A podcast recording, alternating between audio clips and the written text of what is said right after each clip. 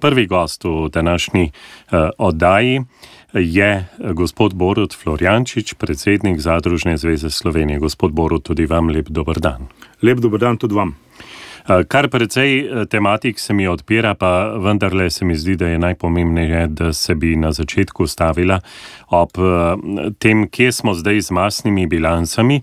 Vemo, kako se je zapletlo, naše poslušalke in poslušalci vedo, da si Zadružna zveza Slovenije zelo prizadeva, ampak ne samo zato, da nekaj piše na tistem listku, ki ga dobimo pri živilih, ampak da je tista informacija resnična in da bi vendarle končno prišli do sledljivosti v prehranski verigi. Kje smo zdaj?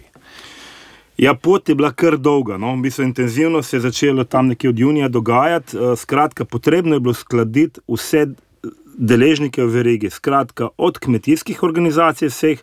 Pa do uh, gospodarske zbornice Slovenije, pravi uh, zbornice kmetijskih in živilskih podjetij, uh, um, trgovinske zbornice, skratka, razmišljanja so bila različna, vendar smo si bili na koncu enotni. Resnično smo, to je, to je bilo težavno doseči enotnost v tem, kako naj te masne bilance eh, izgledajo.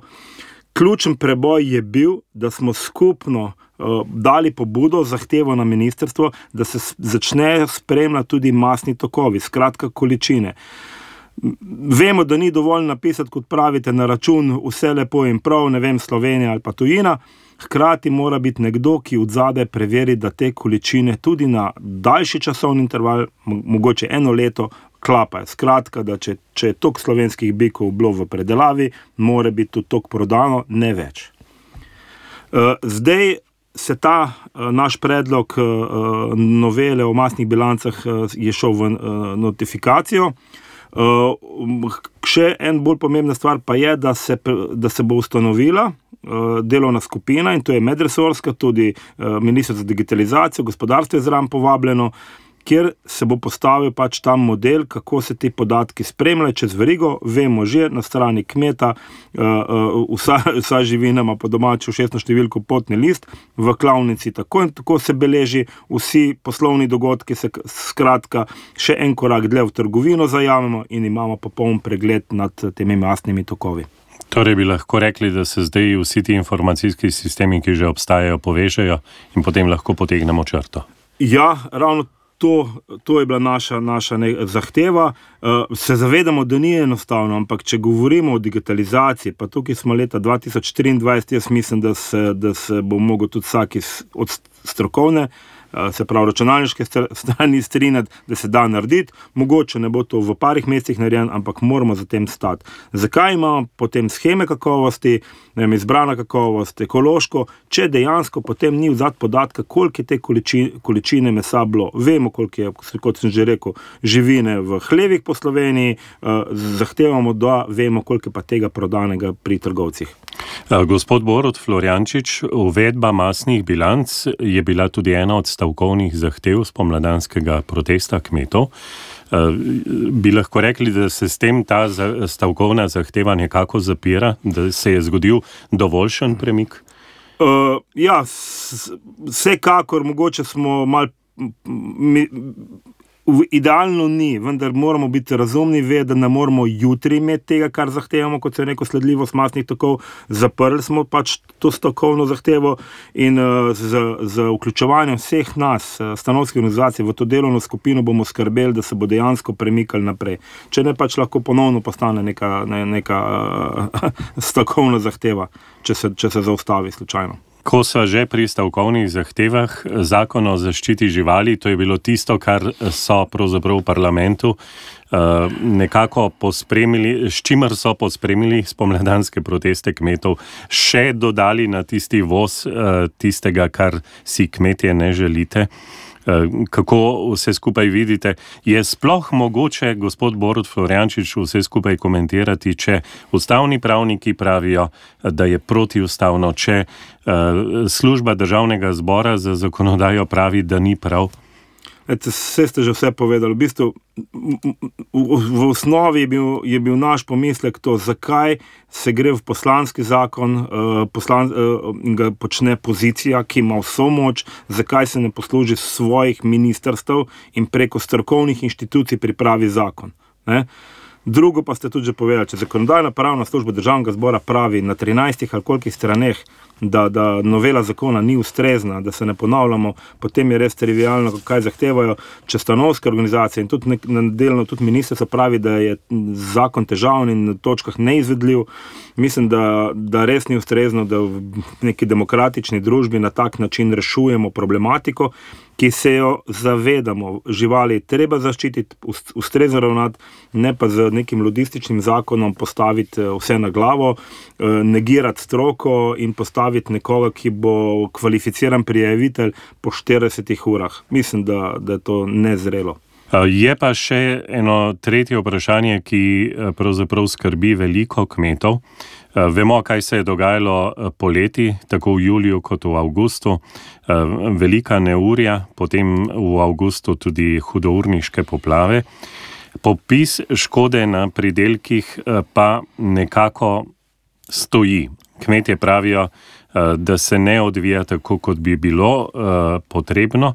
Uh, tudi v nadaljevanju naše oddaje bomo slišali, da na Bizelskem so razočarani, ker so imeli tudi 100 odstotne škode zaradi toče, pa ne vedo, kaj bo, niti popisnih obrazcev še niso ustreznih dobili. Občina jih podpira, čakajo državo.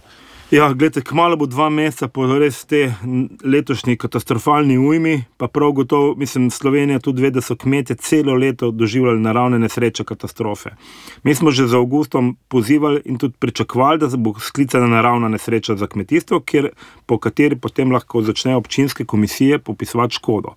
Razumemo, da so škode tudi na ostalih infrastrukturah ali pa na, na, na lastnini velike, vendar kmetijstvo je, je, je tudi gospodarska panoga, veliko ljudi od tega živi in dejansko upravič, upravičeno pozivali že, že nekajkrat, da ne le skličejo naravno nesrečo, da začnejo škode, škode popisovati. Kako bojo popisovali škodo, ko je pridelek pospravljen? Škode so enormne, od poplav, uh, spomladanskih, nažitih škode, v vinogradih, uh, veter, toča. Mislim, da to ni ustrezno in smo od ministrstva pričakovali, da se bo na tem področju bolj zauzelo za, za kmete in, in, in uredilo, uredilo to zadevo. Kot ste rekli, ja, nekje so vinogradi toliko uničeni, da vinogradniki razmišljajo, da je, da je bolje ta vinograd na novo zasaditi, ker je škoda na lesu, na trsu, na trsu tako velika, da se par let ne bo pomoglo. Skratka, in zato ravno pozivajo, da se čim prej škoda oceni, da lahko, gre, da lahko grejo v, v, v prenove, da se kandidirajo na, na razpise. Tako da upam, da mogoče pa bojo v tem tednu se odločili, ampak kot smo rekli, uh, predelki so po večini že pobrani. Ni prav, da se uh, zadeve tako počasi odvijajo, kaj ne? Ja, gledajte, apelirali smo že prvi teden, na prvem sestanku je, je bila ena od teh misli, da eh, se pravi, da treba škodo popisati. Ampak dobro, prvi teden res, prve tedne res ne, ker so bile dejansko katastrofalne škode eh, zaradi poplav. Ampak vsem bi se mogli, dolo, v določenih pokrajinah pa ni bilo škode zaradi teh poplav in bi občinske komisije. Prav gotovo lahko popisala škodo v kmetijstvu, vendar te, to ni bilo storjeno. Mhm. Eh, gospod Borod Floriančič, čisto za konec, eh, obstajajo torej tudi vinogradniške kmetije, recimo prav na Bizelskem, eh, ki so investirale, zdaj morajo odplačevati kredite, ostale so brez pridelka.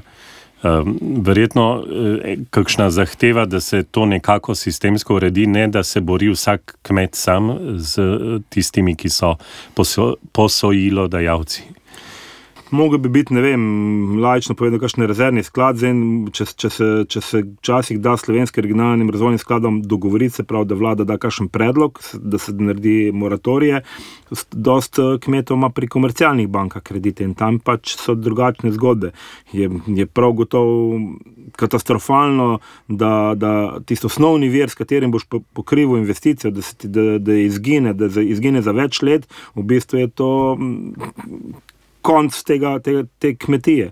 Zato res računamo in smo tudi že pozivali v, že v drugih primerih za druge panoge, ne samo za vinogradništvo, da ministrstvo posluhne in neke inštrumente oblikuje za, za take dogodke, se pravi, više sile, da ta kmetija obstane in da, da gre naprej. Če ne bomo pač v, v tem spirali zapiranja kmetij, zmanjševanja kmetijske proizvodnje še naprej.